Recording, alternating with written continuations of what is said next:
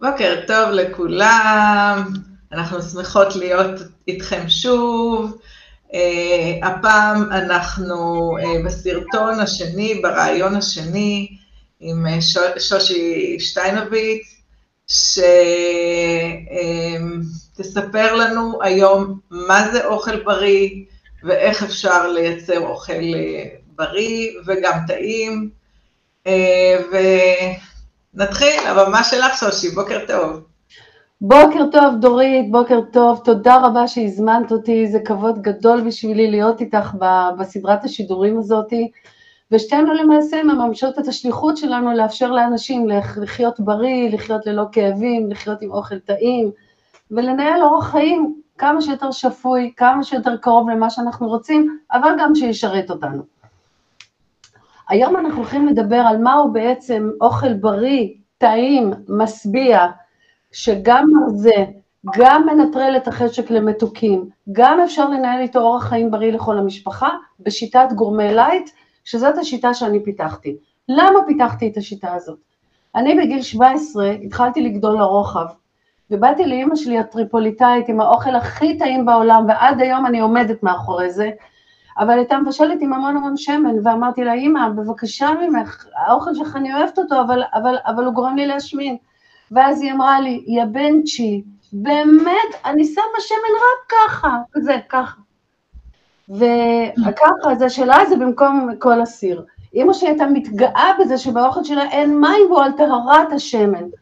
והיה לי חלום, וכשיצאתי מהבית, אז אמרתי, יופי, אני אצא מהבית, לפחות אני, אני אוכל אוכל רזה, כאילו, אני אוכל אוכל מרזה, אני אוכל אוכל בריא. לא, בריא בכלל לא חשבתי על זה, חשבתי על מרזה, יצאתי החוצה וראיתי שיותר גרוע.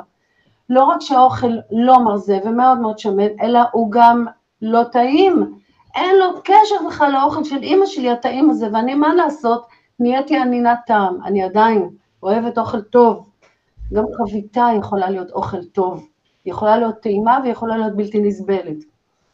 ואז כשהזדמן לי להקים, את, לפתח את שיטת גורמה לייט, היו לי כמה עקרונות מול העיניים. רציתי לפתור את הבעיה שלי.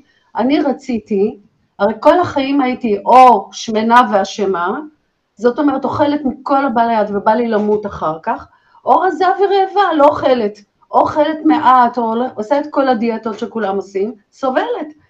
והחלום שלי היה שאני אוכל לשבת, לאכול ארוחת צהריים טובה, משביעה, מהנה, לא להסתכל על כולם ולהזיל ריר ואני לאכול רק עלים. רציתי אוכל, ושאני אקום מהשולחן בלי רגשות אשם ולדעת שזה מרזה אותי. וכשבאמת עשיתי את שיטת גומלה והתחלתי לאכול ככה, עם הזמן ירדתי באופן טבעי 22 קילו, בלי להתאמץ, בלי מאבקים, בלי אה, סבל, בלי שום דבר, וכל נושא האוכל מבחינתי ירד מהפרק, כבר לא מנהל אותי יותר. והרעיון היה והחלום היה לפתח אוכל שהוא יהיה מצד אחד בריא, מצד שני מרזה, כי בריא זה חשוב, מה לעשות, מצד שני מרזה, שיעיף את החשק למתוק, כי כשיש חשק למתוק אי אפשר לרדת במשקל, כי זה דחף שכל הזמן מפעיל אותנו, אבל שיהיה טעים, שיהיה משביע, שאני אשאר לשולחן ואני אוכל ארוחה ואני אגיד, וואו, איזה כיף לי. זה בעצם היה הרעיון מאחורי השיטה. את השיטה פיתחתי עם דיאטנים קליניים, לאורך שנים עבדתי ועדיין עובדת, כל מה שאני עושה מבוקר, אני לא דיאטנית, נכון שצברתי המון המון המון ידע, אבל כל מה שאני עושה מבוקר, ומאושר, זה חשוב מאוד מאוד לדעת. היה לי מאוד חשוב שהשיטה שלי תיתן מענה לכולם, גם לאוכלי קול, מי שאוכל בשר עוף דגים, גם לצמחונים שלא אוכלים בשר, אבל כן אוכלים מוצרי חלב, אולי דגים, צמחודגים אני קוראת להם, וגם לטבעונים, כי לכולם מגיע שיהיה אוכל בריא, וגם שהם יוכלו לרדת במשקל. כי אתם יודעים שטבעונים למשל, זה שהם לא אוכלים חלבונים מן החי, נאלצים להתבסס הרבה על קטניות ודגנים, וזה עלול לעלות במשקל, כי זה המון המון פחמימה. אז גם אם אתה טבעוני, צריך לדעת איך לאכול נכון, ועדיין שיהיה לך טעים, ועדיין שזה יהיה כיף. אז, אה, אז בואו נדבר על העקרונות, מה זה בעצם, מה, זה בעצם אוכל בריא בשיטה שלי. אני רוצה לומר שאני פועלת בשיטה הקלינית, לא כזאת ולא כזאת ולא אלטרנטיבה, שיטה קלינית שמתבססת על מחקרים חדשניים, אה, ובעצם אה, נותנת מענה לכולם, ללא יוצא מן הכלל, בלי להשתגע. בשיטה שלי הרעיון הוא שפוי, אוכל שפוי, שיטה שפויה שאפשר, שאני יכולה לקנות את המצרכים הבריאים והנכונים סתם בסופר או בשוק, לא צריכה לנסוע לאיזה חווה בקצה הארץ או להזמין את זה באיזה אתר יוקרתי באינטרנט ולקחת איזושהי אבקה במאות שקלים ולהגיד שזה בריא, לא, לא, לא, חבר'ה, ממש, מה שאתם קונים בסופר. אני אגיד לכם מה. אז בואו נדבר על העקרונות של האוכל הזה. קודם כל, אנחנו משתמשים, ממליצים להשתמש, הכל רק ממליצים, אוקיי? אתם תעשו מה שאתם מבינים. אנחנו ממליצים להשתמש רק בחומרים טריים וטבעיים ודלי שומן. אני אסביר למה אני מתכוונת. כשאני אומרת חומרים טריים וטבעיים, הכוונה היא ללא אבקות, ללא כימיקלים, ללא חומרים משמרים, ללא צבעי מאכל. אנחנו מאוד לא ממליצים על מוצרים מעובדים. כל המוצרים שבאים בקופסאות וכתוב עליהם המון המון אותיות קטנות, לא מומלץ. אם אתם רוצים, יש דרכים כן לצרוך אותם, אבל הרעיון הוא ללכת לחומרים הטריים והטבעיים ודלי שומן. כשאני אומרת דלי שומן, אני בהחלט בהחלט אסביר. אז בואו נתחיל להסביר מה זאת אומרת חומרים טריים וטבעיים. אמרתי, מה זאת אומרת חומרים טריים וטבעיים? נדבר על קבוצות המזון השונות. אז בואו נדבר רגע על חלבונים. חלבונים שקיימים היום, שהם זמינים עבורנו, זה חלבונים מן החי, שזה בשר, עוף, דגים, אוקיי? אז אם אנחנו משתמשים בבשר, אז מומלץ להשתמש בבשר, קחו לכם uh, כלי כתיבה, חבר'ה, אתם תרצו לרשום את מה שאני אומרת. תמיד אנשים בנקודה הזאת, אני לא שומעת אתכם ולא רואה אתכם, אבל בנקודה הזאת מבקשים ממני לאט ולעצור רגע, אני רוצה להביא כלי כתיבה, תביאו כלי כתיבה, כי מה שאני הולכת להגיד לכם אתם תרצו לתעד, אוקיי? אז ככה, אה, בשר, אה, מה מומלץ? רזה. מהו בשר רזה? איזה חלקים שאנחנו קונים בסופר? אז יש את הכתף מספר 5, בשר לצלי, הוא בשר מומלץ. יש את הבשר הפלשפילה, הפילה המדומה מספר 6, הוא ממש רזה והוא מעולה. מה שאני אומרת לכם זה בשרים טובים, שאתם עושים אותם, זה בשרים לבישול ארוך אגב, זה בישול של שלוש שעות, והם יוצאים מדהים, מדהים, מדהים, מדהים.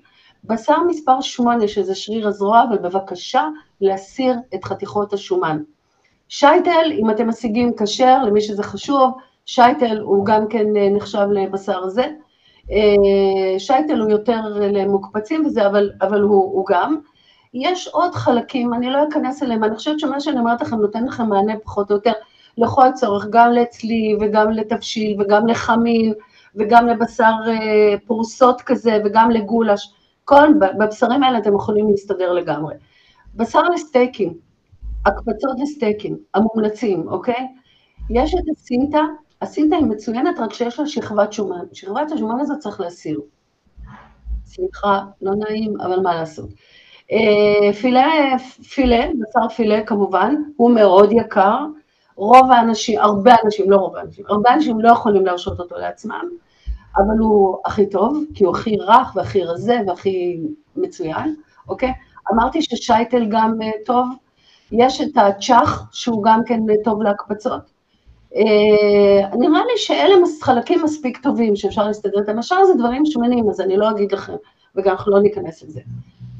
עוף, כל חלקי העוף, אבל בבקשה ללא אור וללא שומן, כי רוב השומן מרוכז באור, הוא מרוכז בחלקי השומן. אז אם אנחנו לוקחים רבע עוף למשל, קרע ושוק, להוציא את, ה, את, ה, את האור, ואם אתם קונים מקצב שאתם מכירים, או בקצבייה של סופר שאתם מכירים, תבקשו שיורידו לכם את זה, והם יעשו את זה ברצון, אם זה לא ארוז מראש. להוריד את האור, להוריד את השומן, ואז הכל בסדר. חזה עוף מעולה, כנפיים פחות, כי קשה להוציא מהם את השומן, אז אפשר לאכול פעם ב... לא הכי הכי הכי מומלץ. דגים, כל הדגים באופן גורף. אין מגבלת דגים. נכון, יש דגים יותר שמנים, פחות שמנים, השומן בדגים הוא מאוד מאוד בריא, מומלץ מאוד, מכיל אומגה 3, מכיל כל מיני דברים ממש טובים, ולכן אין לנו בעיה עם דגים, כל הדגים מומלצים. מוצרי חלב. אגב, דורית, את יכולה לראות אם אנשים שואלים שאלות? כן. אם אנשים שואלים שאלות, אז, אז אני אשמח לענות, כי אני יודעת שבשלב הזה הרבה שואלים. מוצרי חלב. מוצרי חלב, ההמלצה שלנו היא עד חמישה אחוז. הנושא של שומן, אני תכף אדבר עליו קצת יותר, כי הוא מאוד מאוד חשוב להבנה, אוקיי? שלא תתבלבלו. אנחנו לא נגד שומן, בכלל בכלל לא, ותכף אני אגיד מה כן ומה לא. מוצרי חלב עד חמישה אחוז, הכל, גבינות, יוגורטים, לא משנה מה, עד חמישה אחוז, אבל לא ליפול בפח. מוצרי חלב יש ביניהם הרבה הרבה מעובדים, למשל כל ה-0% שומן, זה לא בדיוק חלב, לקחו מזה, הוציאו לו את הנשמה, הוציאו לו את הכל. אני מעדיפה שתאכלו יוגורט של 3 אחוז, וזה בסדר גמור, מאשר יוגורט של 0 אחוז או 1 אחוז. כי ככל שאחוז השומן מתקרב לאחוז השומן הטבעי, הוא יותר טוב, פחות מעובד. אני מקווה ככה. עוד לא... משהו, אה, זה נכון שבתהליך שעושים אותו, מורידים את השומן, אז כדי לעבות את הגבינות למיניהן, אז מכניסים אה, עמילנים, ואז אנחנו עליה וקוץ בה, פחות שומן, יותר פחמימות, וזה משהו ש... עוד מה שאת אמרת, וזה בפרק של איך מזהים אה, אם אוכל הוא בריא או לא, ואני אדבר על זה למרות שדיברנו על זה בשבוע שעבר, ואת צודקת מאוד מאוד מאוד, ולכן כשאנחנו אוכלים מוצרי חלב, בבקשה תסתכלו על הקופסה מה כתוב. ככל שהגבינה, או לא משנה, כל מוצר החלב שאנחנו אוכלים, קרוב יותר עם פחות חומרים משמרים, פחות אה, איים למיניהם, ככה הוא, הוא, הוא, הוא עדיף לנו, הוא מומלץ לנו ועדיף לנו. אפשר גם מוצרי חלב עיזים, ברור שהוא הכי משובח והכי טוב, הכי קרוב לחלב אם, הוא טוב לנו. אה, אני זוכרת שלבדודה שלי הייתה מחלבה של, אה, של עיזים, היו באים אליה אנשים עם ילדים חולים, היא הייתה שרה להם חלב, הם היו מבריאים, באים עם הרפסים, היא הייתה שמה להם קצת חלב על השפתיים וזה היה מבריא אותם, זה היה מדהים, מדהים, מדהים, הייתי משתגעת. אנשים היו נוחתים שם בעשר בלילה, בחצור, תצילי אותי, תצילי אותי.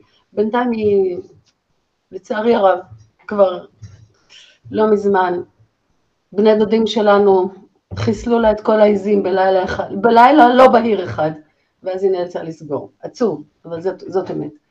אה, אז זה לגבי מוצרי חלב. חלבונים אחרים שטבעונים אוכלים. יש שילוב של קטניות עם דגנים מלאים, שהוא בעצם נותן חלבון מלא. זאת אומרת, בקטניות יש חלבונים, בדגנים יש מלאים, השילוב שלהם מאפשר חלבון מלא, אבל זה ללא אה, B12 וללא ברזל, זאת אומרת מאוד חשוב, כי מחלבונים מכילים ברזל, חשוב מאוד שטבעונים ידעו שבשילוב הזה הם אכן מקבלים חלבון מלא, אבל הם לא מקבלים את הברזל, והם צריכים לדאוג לאספקת הברזל באיזושהי צורה, בדרך כלל רצוי חיצונית, לצערנו אין ברירה, בצורה של נטילת או כדורי ברזל או תוספי ברזל או משהו כזה, כי בתזונה הטבעונית וגם הצמחונית אגב, מאוד מאוד קשה לספק את הצריכה של הגוף בברזל. אז, אה, אז, אז זה דבר אחד, טופו, יש היום, ראיתי טופו מחומוס, האמת שלא בדקתי אותו, לא בדקתי אותו, אבל הרעיון של אה, לעשות מגרעינים חלב כמו סויה, ולהפוך את זה לסוג של גבינה דחוסה, גבינה טבעונית כמובן, כמו, מה זה סויה? מה זה טופו? טופו זה עשו חלב מהסויה, סיננו אותו מהגרגירים, מהסיבים והגרגירים, והפכו אותו לגבינה, ודוחסים את זה ואז זה טופו. אותו דבר אפשר לעשות עם חומוס, אפשר, אפשר לעשות... אה, תזכירי לי, אם תרצי דורית, שפעם אחת נעשה שידור על איך מכינים טופו בבית. Mm. אולי עד אז אני אכין גם אה, טופו מחוץ, אז אני יכול גם להראות את זה, ובכלל גם אולי מישועית וכל מיני כאלה. כי זה מכיל המון המון חלבון, אין בזה סיבים, כלומר זה לא אה, מעיק על הבטן, כמו קטניות אחרות, שמי שרגיש וזה קשה לו. ודבר נוסף, אה, טופו, אה, יש לו השפעה הורמונלית, כשהוא מסויה. ואם הוא מקטניות אחרות, כמו אה, חומוס וזה, אז יכול להיות שאין לו את ההשפעה ההורמונלית, ואז שווה לבדוק את זה. אני מודה שלא בדקתי, אני אבדוק, ואני אחזור אליכם עם תשובות. בשידור נפרד, אם דורית תרצי, אז, אז אני אשמח מאוד. אז אמרתי, יש סוגי טופו שונים, יש גם סייטן וזה, אני אישית לא מתה על זה, כי זה חומר מאוד מאוד מעובד בעצם. אה, אז יש עוד חלבונים, יש אבקות חלבון, יש כל מיני, אבל אלה הדברים שאנחנו בעצם קונים בסופר, והם נגישים לנו והם נוחים לנו. כמובן שיש חלבונים גם בטחינה, יש חלבונים באגוזים שקדים, הם עתירי שמן, אוקיי, עתירי שומן, צריך, צריך uh, להתחשב בזה, ואי אפשר לאכול את כל כמות החלבון היומית באגוזים שקדים, כי אז אנחנו נעלה במשקל. כי יש בזה הרבה, הרבה, הרבה שומן. אוקיי? אז אה, זה לגבי חלבונים. אה, תראי אם יש שאלות, אם לך יש שאלות ואת רוצה לשאול אז את אה, מוזמנת, ניקח אוויר. בואו נדבר על דגנים. מה זה דגנים בריאים? אז קודם כל, לא דגנים לבנים, לא קמח לבן, לא אורז לבן, כמובן שחס וחלילה ושלום לא סוכר לבן, כי יש תנאים שאפשר אולי לאכול קמח לבן, אולי, אבל סוכר לבן זה הביג ביג ביג נו נו שאתם צריכים להוציא מהתזונה שלכם, כי הוא, מה לעשות, הילד הרע של התזונה, הסוכר הלבן, כל מה שסוכר האמת, אבל בעיקר הסוכר הלבן, כי הוא, אה, אין בו כלום והוא מקפיץ את כל אה, מערכת, אה, מערכת, המערכת המטבולית, מוציא אותה מאיזון, שאחר כך לצערנו גם מייצר מחלות בהמשך, אם אנחנו מרבים באכילת סוכר לבן. אז לא לסוכר לבן. אורז לבן, לא, אבל. אורז בסמטי לבן אפשר. אם אוכלים אותו עם ירקות, אז זה בסדר, כי אורז בסמטי לבן, הערך הגליקמי שלו נמוך, הוא מתפרק לאט כמו דגנים מלאים, ולכן אם אנחנו מוסיפים לידו סלט, או אם מבשלים אותו עם איזשהו ירק, מצוין, אין בעיה. אני אומרת את זה כי יש משפחות שהילדים לא אוהבים אורז מלא. הם רוצים פתרון, והאימהות אומרות לי, מה אני עושה, מה אני עושה, הוא לא אוכל לי את זה. הוא עודד ואומר לי, זה לא אוכל? אז, אז, אה, אז אמרנו דגנים מלאים, בואו נגיד איזה, זה יכול להיות חיטה מלאה, זה יכול להיות אה, גריסי פינה, זה יכול להיות אה, קוסמת, זה יכול להיות קינוע, זה יכול להיות דוחן, זה יכול להיות אה, כמובן כל סוגי האורז המלא מכל הצבעים, אורז חום, אורז שחור, שזה פרק מאוד יקר, אבל טעים, טעים, טעים, טעים, אורז מיקס, אורז אדום.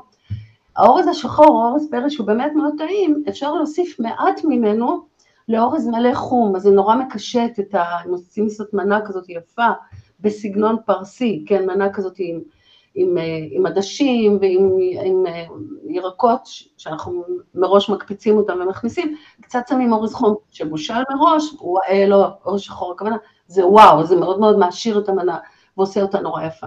אורז אדום של טעם של אגוזים הוא מהמם, זה גם ילדים אוהבים, אני אומרת לכם באחריות. זה לגבי דגנים. אם שכחתי דגן... אני רוצה רק להגיד, אני מסכימה איתך בכל מה שאת אומרת. אה, הדבר היחידי שאנחנו קצת חלוקות זה הנושא של החיטה. אה, גם חיטה מלאה אה, היא הכי, הכי, הכי פחות מומלצת.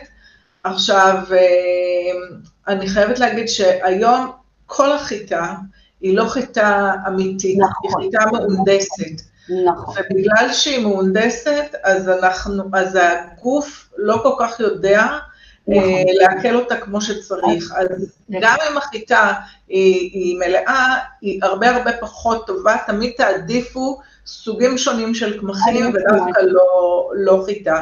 אז זה הדבר היחידי, אני מסכימה איתך. זה הכל בינגו. אני מסכימה איתך ואני רוצה לסייג, אוקיי? אני רוצה טיפה לסייג. כי יש המון אה, דברים ש, שאנחנו שומעים, קוראים על חיטה. עדיין, אוקיי? יש אנשים שיש להם רגישות לגלוטן, אז בכלל בוודאי ש, שהם צריכים לשים לב מאוד מאוד לנושא של חיטה. אנשים שאין להם רגישות לגלוטן, אני מסכימה איתך שחיטה זה בעייתי, וצריך למצוא את החיטה האורגנית. וחוץ מזה, באמת אפשר לוותר על זה, כי בדגן, חוץ מקמח, שהוא סיפור אחר, כן, אפשר לקנות אותו אורגני ואפשר, אה, אפשר, וגם אני אומרת, אם אני עושה לחם, אני לא קונה דרך, גם לא משתמשת בחיטה, אבל נגיד והיה לי, קיבלתי, בא לי, אז אם אני עושה לחם כוסמין, קילו של כוסמין, שש כוסות קמח כוסמין וכוס אחת של חיטה, זה לא מוסיף הרבה טעם, עדיף שיפון, אבל לא, אני מדברת על שפיות, שפיות, כל הזמן להיות שפויים. ובינינו, אני חייבת להגיד לך, כל מה שאנחנו אומרות פה, אוקיי? אפשר להחמיר ולהגיד שאם אה, אה, ירקות הם לא אורגניים, אז זה לא. העניין הוא שהדברים האלה לא נגישים לנו מספיק, והם לא, לא במחירים שהם שווים לכל נפש. וכשאני מזמינה ארגז אורגני, אז לא, מגיע לי הדברים, לא מגיעים לי הדברים, התמהיל שאני באמת באמת רוצה וצריכה.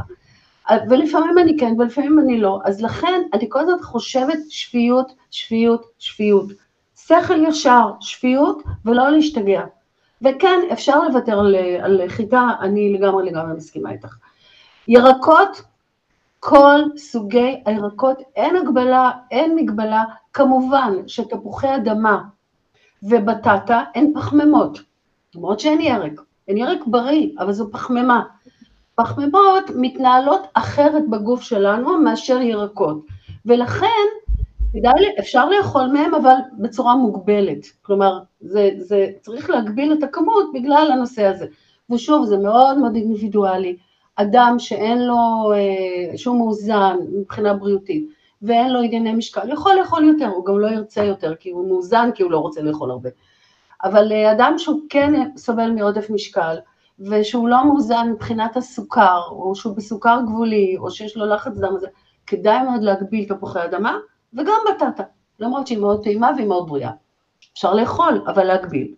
עוד משהו, אם בין בטטה לתפוחי אדמה, למרות שהבטטה היא אה, יותר מתוקה, האינדקס הגליצמי שלה, זאת אומרת, כמה סוכר היא נכון. יכולה אה, לעלות בגוף, הוא יותר נמוך. אז זאת אומרת, אם יש לנו אפשרות אה, סתם לפירה בטטה או פירה תפוחי אדמה, אז עדיף הבטטה.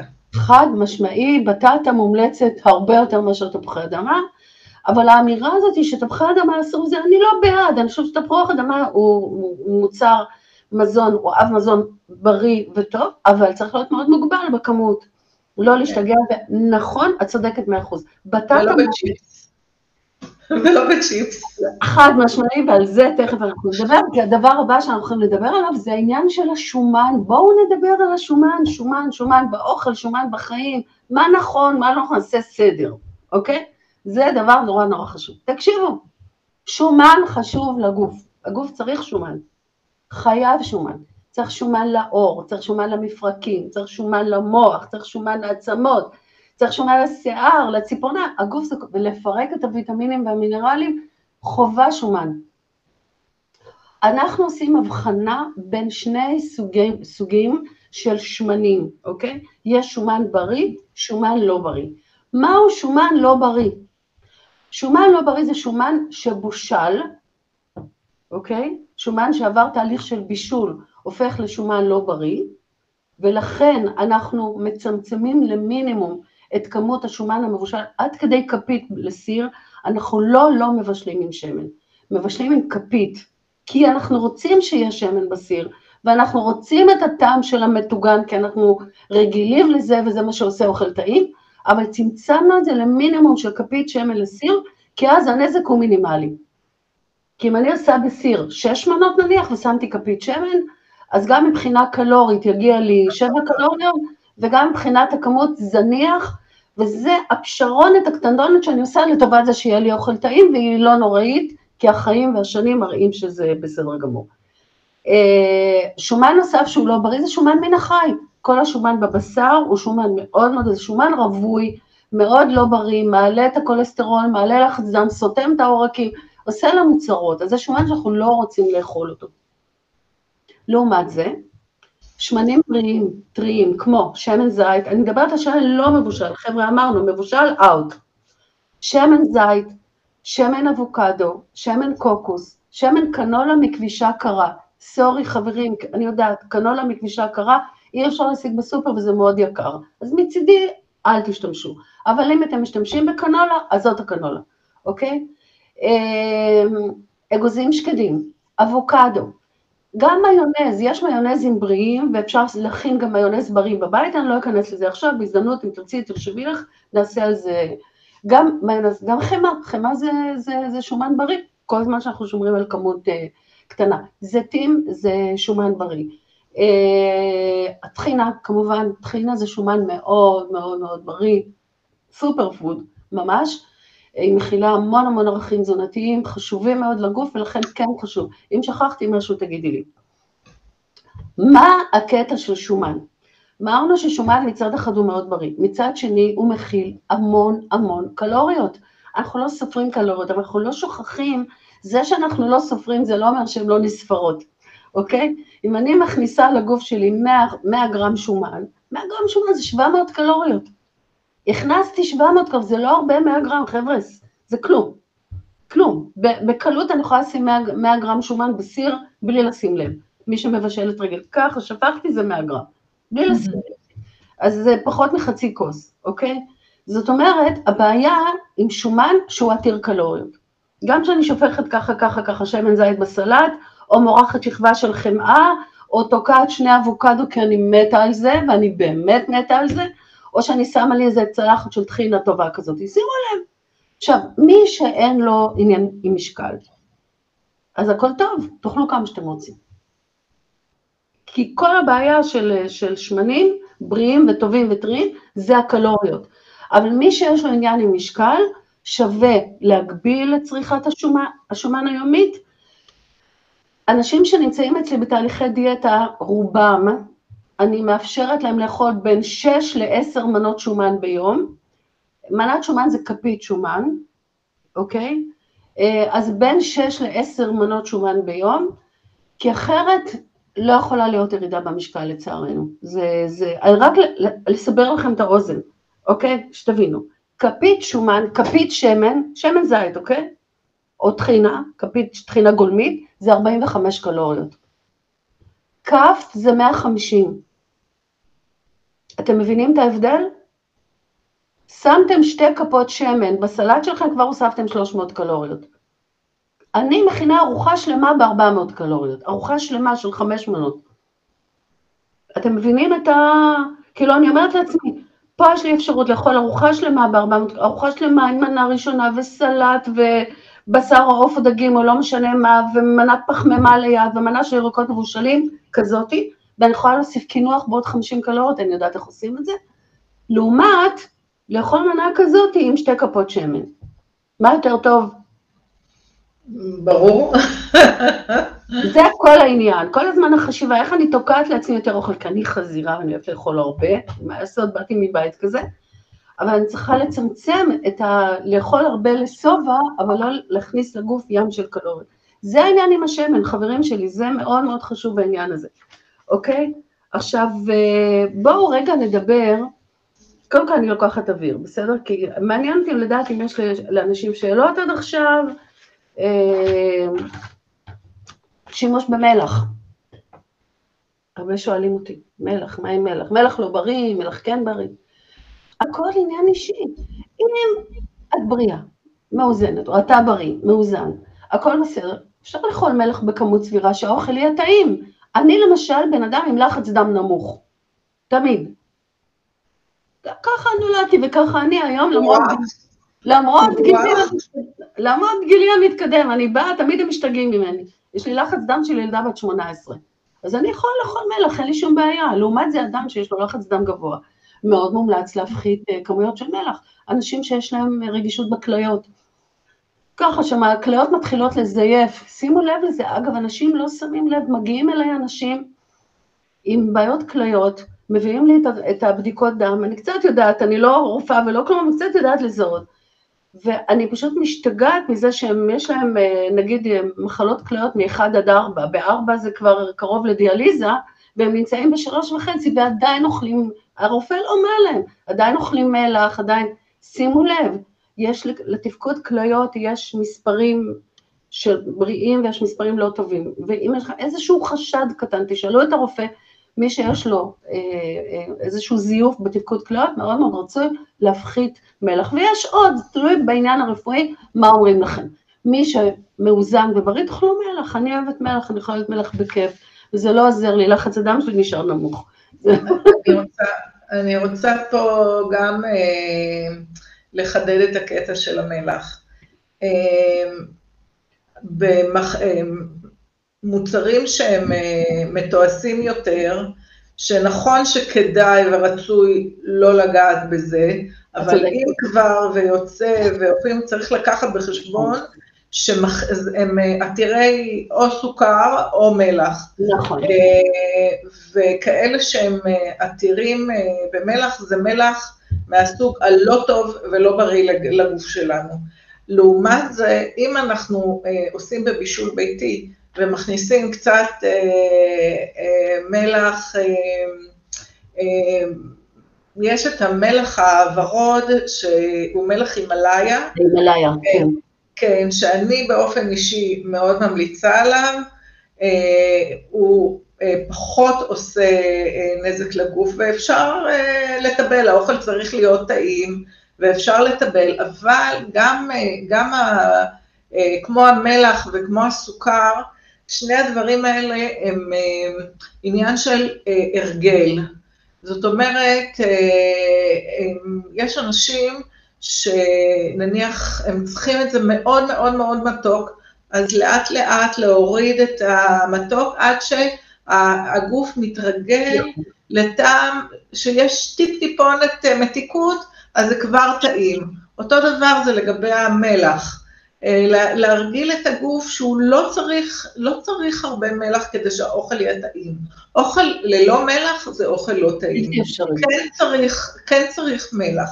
אבל הכמות מלח, הלשון שלנו מתרגלת, כאילו יודעת לאבחן את הטעם, כשאנחנו אוכלים דברים שהם טבעיים, אז הלשון יודעת את הכמות באמת שצריך, אבל מה שקורה, בגלל שהרבה פעמים מי שאוכל אוכל מתועש, והרבה אוכל מתועש, הלשון מאבדת את היכולת להבחין כמה הרבה מלח יש. ולכן זו סיבה נוספת להשתדל כמה שפחות לאכול אוכל מתועש, וכן להדאיג, וכן אפשר להשתמש במלח הימאליה שהוא מצוין והוא טוב, בכמות סבירה, שיהיה לנו אוכל טעים. בהחלט, בהחלט, בהחלט, יש מלכים יותר טובים, בהחלט, יש מלכים יותר טובים, יש מלכים פחות טובים, אבל עוד פעם, אני גם פה מסייגת, זה נורא אינדיבידואלי. אני למשל בן אדם שלא צריך להוריד מלח, אני. בגלל שיש לי לחץ דם נמוך, אז להפך, כלומר, אני זקוקה למלח כדי... אז לכן אני אומרת ש... אבל את מהמיעוט, רוב האנשים, ככל שהולכים... יש ממש גרף כזה שאני נותנת בהרצאות שלי, של השכיחות של לחץ דם ככל שאנחנו עולים בגוף, בגיל.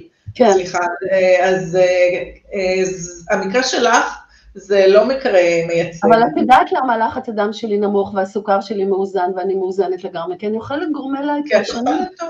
אני, כן. אני, אני, לא עניין של טוב, אני לפני, אולי סיפרתי את זה, ואנשים מכירים את הסיפור הזה, אמיתי. לפני כמה שנים הייתי, היה לי דקירות בחזה. שני ההורים שלי מתו מהתקפי לב, ויש לנו סכרת במשפחה. מתו מסכרת, דודים, סבתא.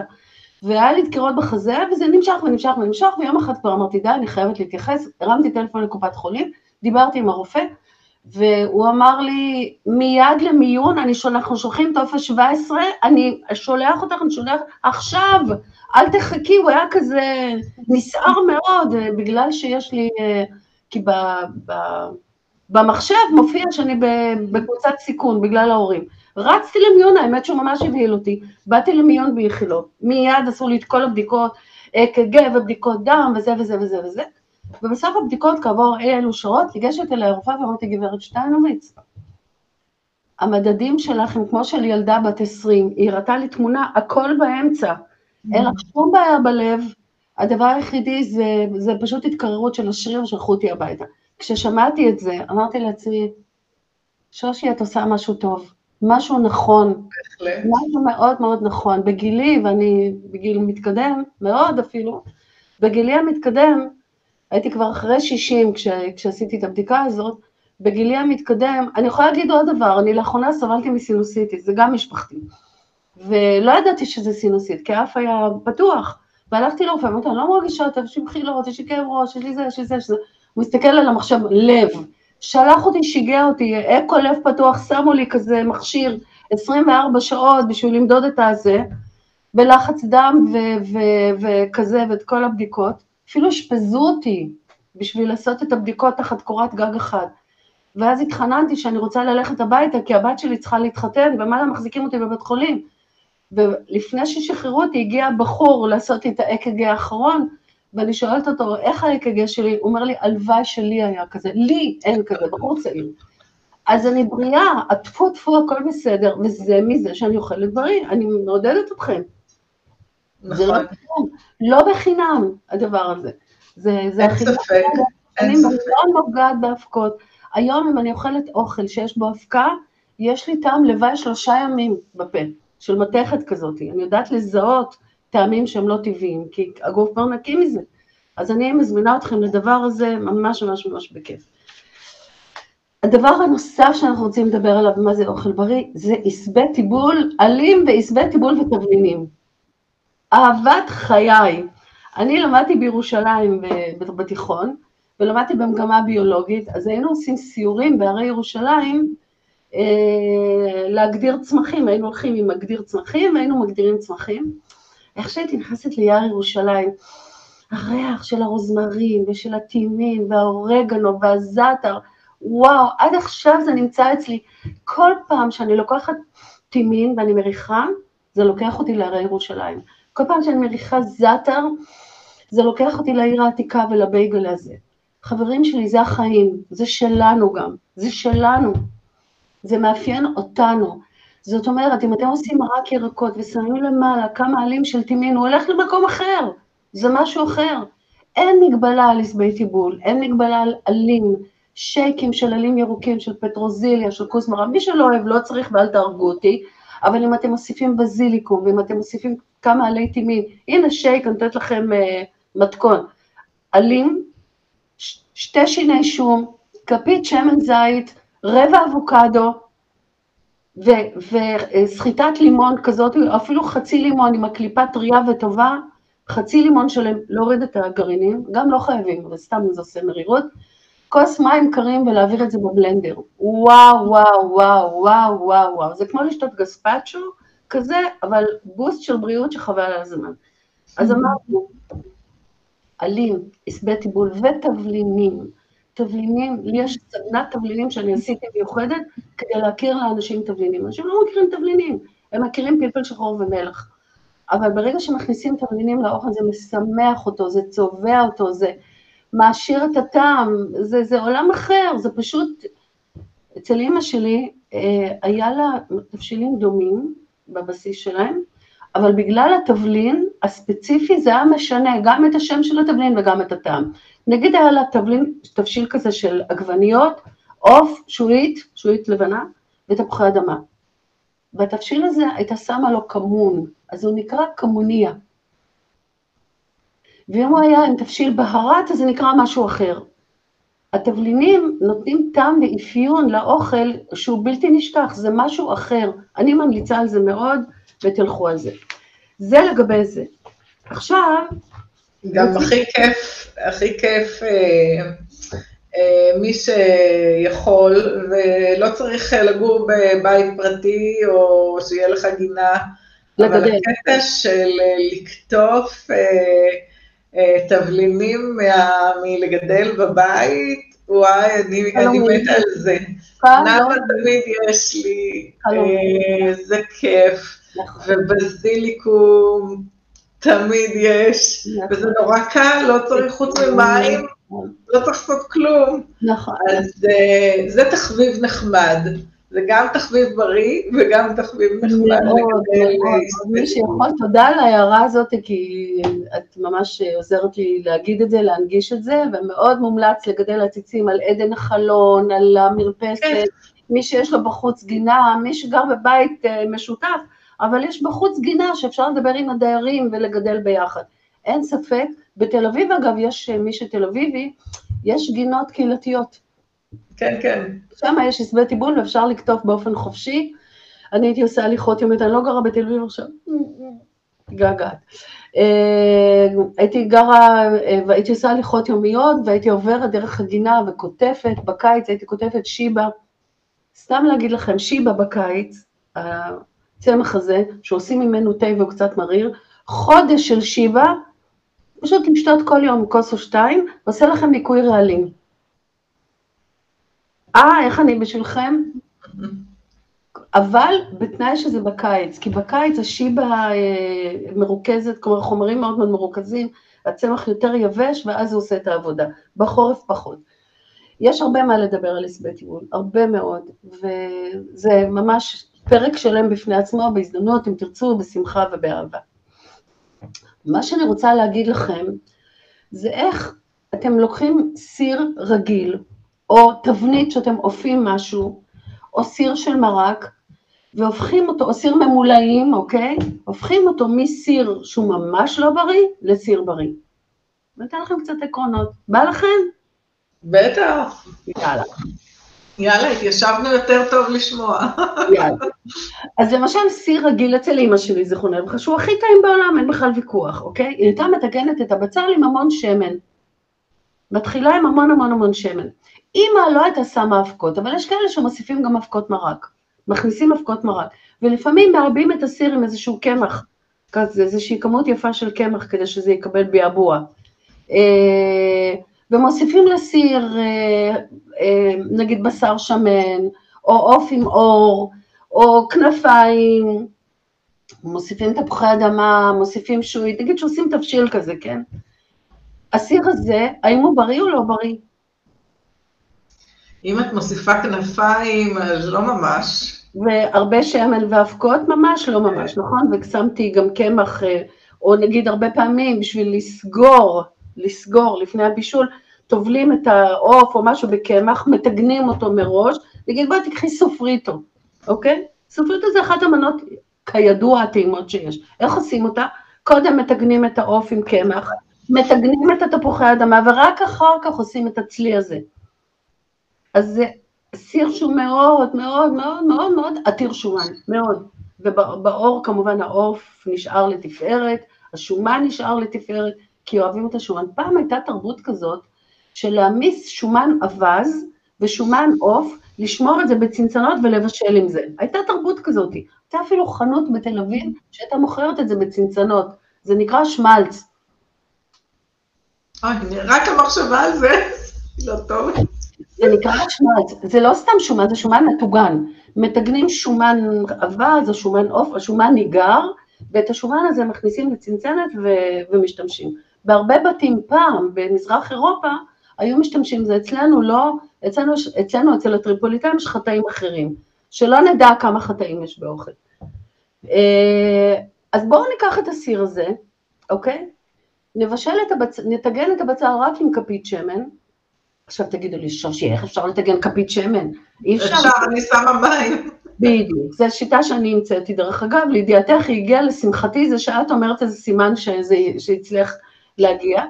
פשוט כשהבצל קצת מתחיל להישרף, מטפטפים עליו קצת מים ומערבבים. לא מוסיפים הרבה מים, פשוט מטפטפים. המים האלה מוסיפים את הלחות לבצל, אוספים את כל הקרמל, ועושים שניים, שלושה סבבים כאלה עד שהבצל מטוגן לגמרי. ואם אני לא אשים אבקת מרק, ואני לא אשים קמח, ואם קמח זה must במנה הזאת, אי אפשר בלי, אז כפית. כפית זה 15 קלוריות, לא נורא. הרעיון הוא איך תמיד בסיר אני מוסיפה מינימום קלוריות ומקסימום טעם. אני אוסיף לסיר הזה, נניח יסבה טיבול, אני אוסיף ירקות, אני אוסיף אה, אולי עגבניות קצצות, הרבה שום, ואם עוף אז אני אוריד את האור, ואם בשר אני אקח בשר הזה, ואז אם יש לי רק כפית שמן, ויש לי ירקות, ויסבה טיבול, ומלא מלא שום, תבלינים, בהרת, או כורכום, או גם וגם, או כמון טחון, או קימל טחון, או זרעי כוסברה טחונים, וזה לא טעם של עלים, זרעי כוסברה טחונים זה בושם. יש שפים, קונדיטורים שמשתמשים בזה כדי לתת ניחוח לסוכר כמו וניל, יש סוכר וניל ויש סוכר כוסברה, אוקיי?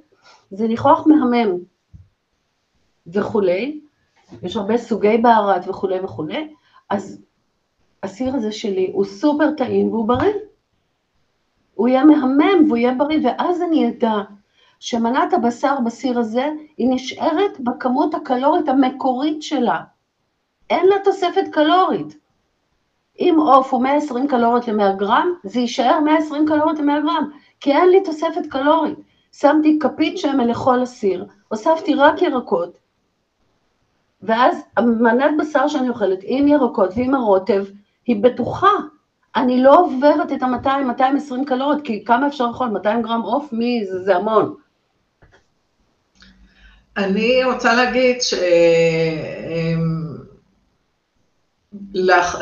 לא לאחרונה, כבר הרבה שנים, אני מנסה לעשות דברים של אה, צ'יק צ'אק, כאילו מאכלים אה, אה, מהירים, וכמובן משתדלת תמיד שיהיו בריאים. אז יש לי קסרול כזה, מין כמו מחבת, אבל אה, כשהיא יותר גבוהה. פוטאז'. וכן, ואני מכניסה קודם כל למטה אה, כמות, אחרי שאני מבשלת את הבצל עם המים, כמו ש... בדיוק אה, כמו שהסברת, אני מכניסה סוגים שונים של ירקות בפנים, ועל זה מכניסה למעלה פולקס, ובלי עוף. בלי, בלי זה, אבל שמה מלא תבלינים. אם זה קורקום שהוא תבלין אה, שעושה טעם מיוחד, נכון. וגם הוא נוגד דלקת שהוא מצוין, עם הרבה כוסברה שזה משהו שהוא משתן והוא טוב, וגם מוריד לנו, אה, עוזר להורדת לחץ דם, מי ש... אה, בגיל שהוא יותר מבוגר, ולא כמוך, שבמקרה משבשת את הסטטיסטיקה.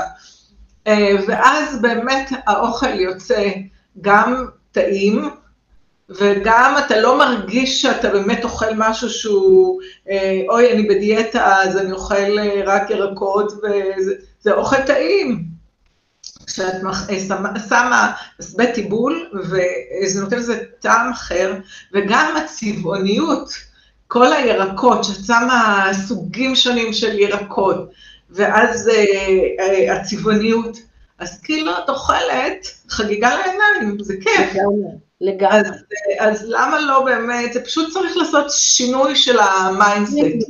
נכון, נכון. שינוי של ה mindset, לאכול הרבה ירקות, להכניס בכל ארוחה שיהיה מרכיב, חצי מהצלחת, שיהיה מרכיב של ירקות. והחצי השני, פחמימות, ועדיף בכלל בלי פחמימות, כן, אבל בוא נגיד מי שאוכל פחמימות, אמ, אז החצי של הרבע של הצלחת יהיה קצת משהו של פחמימתי ו... ואת החלבון. והכי טוב זה שיש שלושת רבעי ירקות ורבע חלבון. זה מי שרוצה לעשות דיאטה. אין ספק, ההמלצה שלנו זה על לפחות שתי קערות ירקות ביום, אה, סלט הכוונה, סלט טרי ביום. מי שיש לו בעיה של איזון סוכר ואין לו בעיות אחרות שהוא יכול להרשות לעצמו, אפילו שבע כוסות עלים ירוקים. אפילו שבע כוסות. שוב, זה, זה מאוד אינדיבידואלי, זה לא המלצה גורפת, כמו שאמרתי, אבל בעיקרון רצוי להרבות באכילת עלים ירוקים, שתי, שתי קערות של סלט ביום, ולהוסיף ירקות מבושלים לארוחה החמה. זה מאוד מאוד חשוב, זה, זה, זה ירקות אחרים שאין אותם ב, בירקות הזה.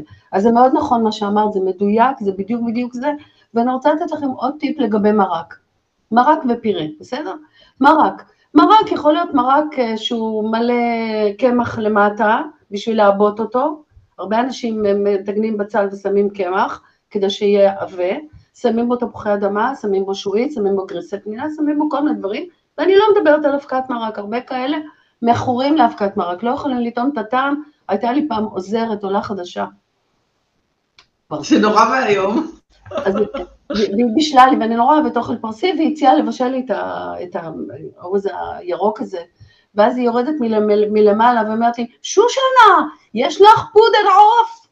פודר עוף, אבקת מרק עוף, פודר, פודרה, כן, עד שהבנתי מה היא אומרת. זאת אומרת, זה היה כל כך ברור לה שאם היא מכינה את הסיר עור הזה, היא צריכה, היא צריכה לשים אבקת מרק. אז אני מדברת על סיר מרק. אנשים אוהבים מרק סמיך, והרבה פעמים מרק ירקות הוא לא סמיך. מרק על טהרת הירקות, כן? הוא לא סמיך. זה... בגלל זה במרק צריך לשים תפוח אדמה או משהו כזה, או בטטה. יש לנו פטנט קצת אחר. ולא חייבים, אמרנו, תפוח אדמה זה דבר טוב, אבל אם אתה רוצה בתהליך של ירידה במשקל, אז זה, לא, זה פחות מומלץ. פחות. כן. פחות מומלץ, ולכן אה, אנחנו מעדיפים סלט, אה, מרק ירקות, ירקות, בלי פחמימות. על טהרת כל הירקות, אבל... אז מה עושים כדי שהוא יהיה כן סמיך ועדיין אני לא... בלנדר. מה זה? אז מה שאני... אני עושה עם בלנדר. אז אני אגיד לך מה אני עושה. אני סיימתי לבשל את המרק, עם כפית שמן כמובן, ורק על טהרת הירקות ותבלינים, אני מוציאה חלק מהמרק. נגיד, אם אני רוצה אותו מוקרם, אז בלנדר, אין שאלה. אבל לא רוצה מוקרם, אני רוצה מרק ירקות סמיך. מרק שיש בו ירקות, אני רוצה ללעוס. אז אני מוציאה חלק מה, מהמוצקים, כוס, שתיים, תלוי כמה אני רוצה, ואת זה אני מערבלת. את הכוס או שתיים, אני מערבלת ומחזירה למרק. ואז המרק מקבל אה, אה, גוף, זה נעשה, בדיוק, הוא נעשה סמיך, ואני לא חטאתי, לא הוספתי פה כלום, פשוט השארתי לי מרק ירקות סמיך וטעים עם ירקות, ורק ירקות. ופה אכלתי בוכט הירקות בבת אחת, וזה טעים מאוד, אחרי שאני מחזירה את זה, זה תמיד, תמיד לתקן טיבול, חבר'ה, תמיד כשהסיר מוכן, לטעום אותו ולתקן טיבול. כי טיבול שאנחנו שמים בהתחלה נמהל, והאפקט שלו אה, יורד, ואז לקראת הסוף לטעום, יש לי מספיק מלח, יש לי מספיק פלפל שחור, יש לי מספיק תבלין, לדעת שזה בול, ואז אני יודעת שה, שהדבר הזה. הדבר האחרון זה למשל סיר ממולאים. אימא, זכרונה לברכה, הייתה עושה את הממולאים הכי טעימים בעולם, עד עכשיו אני נזכרת בזה. אממה, כדי שזה יהיה טעים, הייתה מכניסה בבשר שומן כבש, שיהיה עסיסי, והייתה כמובן מציפה את זה בשמן, ובתחתית היא הייתה שמה אה, מצע של תפוחי אדמה. אני לקחתי את הממולאים של אימא, שמתי בזה בחוצפתי הגדולה בשר הזה טחון, אני יכולה לערבב בשר הזה עם אה, הודו אדום, הוא גם עסיסי והוא גם טעים, אני יכולה, ואז אני ממלאה אותו עם יותר בצל מאוד מאוד קצוץ, יותר עשבי טיבול, אוקיי? ובמקום פירורי לחם אני יכולה לשים קצת קמח שקדים, כדי להימנע מהפחמימה. מי שאין לו בעיה אפשר לשים פירורי לחם, תשימו פירורי לחם של לחם טוב. התייבש לכם הלחם בבית, כוס מין, חיטה מלאה, שיפון, לא משנה, תחתכו לקוביות, תכניסו לתנור, שזה יהיה כלוי, ואחר כך תטחנו את זה במג'י מיקס, ויש לכם אה, פירורי לחם, במקום לקנות את ה... סליחה על הביטוי, לא רוצה, לא רוצה, לא רוצה להשמיץ אף אחד, במקום לקנות פירורי לחם מעובדים לדעת ומוסיפים להם אלוהים יודע מה, תכינו את הפירורי לחם שלכם, ואז אין בעיה שתשימו שלוש-ארבע כפות בקציצות. וכשאני עושה בצלים ממולאים וקישואים ממולאים, אוקיי? אני יכולה להוסיף גם גזר ממולא, והמצע שלי הוא מצע של בצל מטוגן, עוד פעם עם כפית שמן, ועל זה במקום תפוחי אדמה אני שמה פרוסות או של קישואים, או של דלורית, או של אה, דלת, דלת נורא כיף, היא נמסה והיא נהיית כמו ריבה כזאת. ועל זה אני שמה את הממולאים ומבשלת אותם. תגידו לי אתם, אפשר לאכול חמש קציצות, חמש, חמש יחידות ממולאים כאלה ואתם עדיין בארוחה דיאטטית, עדיין, ואת כל הירקות מלמטה. אז אה, יש המון המון המון, זה, שיטת גורמה לייט, האמת זה אומנות, זה פיתוח, אני חשבתי, יש לי 1,500 מתכונים, ואני על כל מנה השקעתי חשיבה איך לעשות אותה הכי טעימה והכי קרובה למקום מבחינת ערך תזונתי וערך קלורי. איך הכי פחות לקלקל, ואיך עדיין שתהיה הכי הכי הכי טעימה שיש. אז זה חשיבה, זה אגב השקעה מאוד מאוד קטנה, זה עשר דקות ביום, זה בכלל לא משהו, זה לא, צריך ללמוד לחיות בצורה יעילה וכדומה. רציתי לתת לכם עוד טיפ על פירה. פירה, אנשים אוהבים פירה תפוחי אדמה, קשה להם נורא לוותר על זה. מאוד אוהבים, ילדים אוהבים. אפשר לעשות פירה, חצי תפוחי אדמה וחצי קולורבי או לפת. איזה רעיון טוב. אף אחד לא יגלה, זה נראה אותו דבר. אולי יש איזה טיפה טעם של לפת, אז מה, זה עוד יותר טעים. אבל פשוט לקחת תפוח אדמה ולפת ביחד ולמעוך אותם, ואז יש לכם חצי מהקלוריות. עכשיו, מה, מה מתסכל בתפוחי אדמה? מי שרוצה לרזות, לא יכול לאכול יותר מתפוח אדמה בגודל אגרוף אישי. זאת מנת פחמימה, אי אפשר יותר. מי עומד בזה? אנשים שאוהבים לאכול, רוצים שניים, שלוש, לא יכולים, כאילו רוצים יותר. ואז כשאתם מוסיפים לזה לפת, זה מכפיל לכם את הכמות. ואז אפשר... רעיון מעולה. שתיים, ואז זה, זה, והלפת היא מה זה טעימה מתקתק כשהיא מבושלת. גם כשהיא לא מבושלת, אבל לא כל אחד אוהב. אבל כשהיא מבושלת היא משנה טעם, היא נהיית מתקתקה כזאת ונמסה בפה וממש נמוכה, וכשאתם מכינים פירה, אל תבשלו את זה במים. כי זה נהיה רטוב ואיכס. או להדות, או לא עלינו במיקרו, מי שלא אכפת לו. או בתנור אה, לעטוף עם אה, נייר כסף, לאפות את זה עד שזה מתרכך. כי אם אתם מבשלים במים, אז הפירה נהיה נורא נוזלי כזה, וזה לא כיף. וכשהפירה נשאר, כשהתפוח אדמה נשאר יבש, זה איכות אחרת, זה עולם אחר. גם הטעם כולו מרוכז, הוא לא הלך לנו לתוך המים. האשלגן לא הלך לתוך המים. אז זה נשאר מרוכז בתוך, בתוך התפוח אדמה, זה עולם אחר. זה עולם של מצד אחד קולינריה וגם לשמור על יותר בריאות. כי אם אנחנו מבשלים את התפוחי אדמה במים, אז כל המים, יש לנו מים מאוד בריאים, אבל הפירה פחות. אז, אז, אז, אז, אז זה גם כן סוג של רעיון. אני רוצה להגיד לכם שיש לי מיליון רעיונות כאלה. אנחנו נשב כאן עד מחרתיים, אה, דורית. אני אשמח אם יש לכם שאלות, אנחנו כבר מדברים שעה, אם יש לכם שאלות או... אה, כאילו, אם יש למישהו שאלות, כי כמובן שיהיו גם כאלה שצופים אה, לא עכשיו בלייב, אלא יראו את זה אחר כך, אתם תמיד מוזמנים לכתוב בתגובות, ואנחנו נדאג לענות לכם. בכל מקרה, יש לנו בהמשך של הסדרה, אה, יש לנו אה, איך לבשל אה, בעשר דקות ארוחה, איך לעשות ארוחה, וסרטון אחר יהיה איך לעשות ארוחה של חמש מאות קלוריות, כל הדברים האלה, לאט לאט, יש לנו, עשינו בינתיים שתיים מתוך שבעה רעיונות, אני חושבת ש... אה, שתי הסרטונים שעשינו עד, עד כה אה, ממש העשירו, ואני רוצה להודות לך, אה, שוש, כי זה ממש עושה כאילו סדר במחשבה, גם אנשים שח... שמכירים את, ה... את, ה... את הניואנסים, מה לעשות כדי באמת לאכול אוכל בריא. עדיין היה פה המון לסדר בראש, איך, איך, uh, איך לעשות, איך להתארגן, uh, ו, ומחשבה של לשים לב לפרטים, הפרטים הקטנים. ואז יהיה לנו גם בריאות, ואין מה לעשות, האוכל שלנו... חיים טובים. כן, הוא זה שגורם לנו האם אנחנו אה, נהיה בריאים או לא נהיה בריאים. אה, זה, אחד, זה, זה לא אחד הדברים, זה הדבר שגורם לנו אה, להיות, להיות בריאים, או הפוך, כל המחלות, כל המחלות שהן כרוניות של ההתבגרות, מה שנקרא מחלות תלויות גיל, כולם, הטריגר הראשוני זה אוכל. וחלק גם זה חוסרים, כשאנחנו לא אוכלים מספיק אה, ירקות ופירות, אז יש לנו גם חוסרים של ויטמינים, אה, שהם גם מובילים לבעיות רפואיות. לא אוכלים מספיק אה, חלבונים, צמחונים וטבעונים לא דואגים לאספקת חלבונים מספיקה לגוף, והגוף משלם מחיר על זה. יכולה להביא על זה נכון. המון דוגמאות. נכון.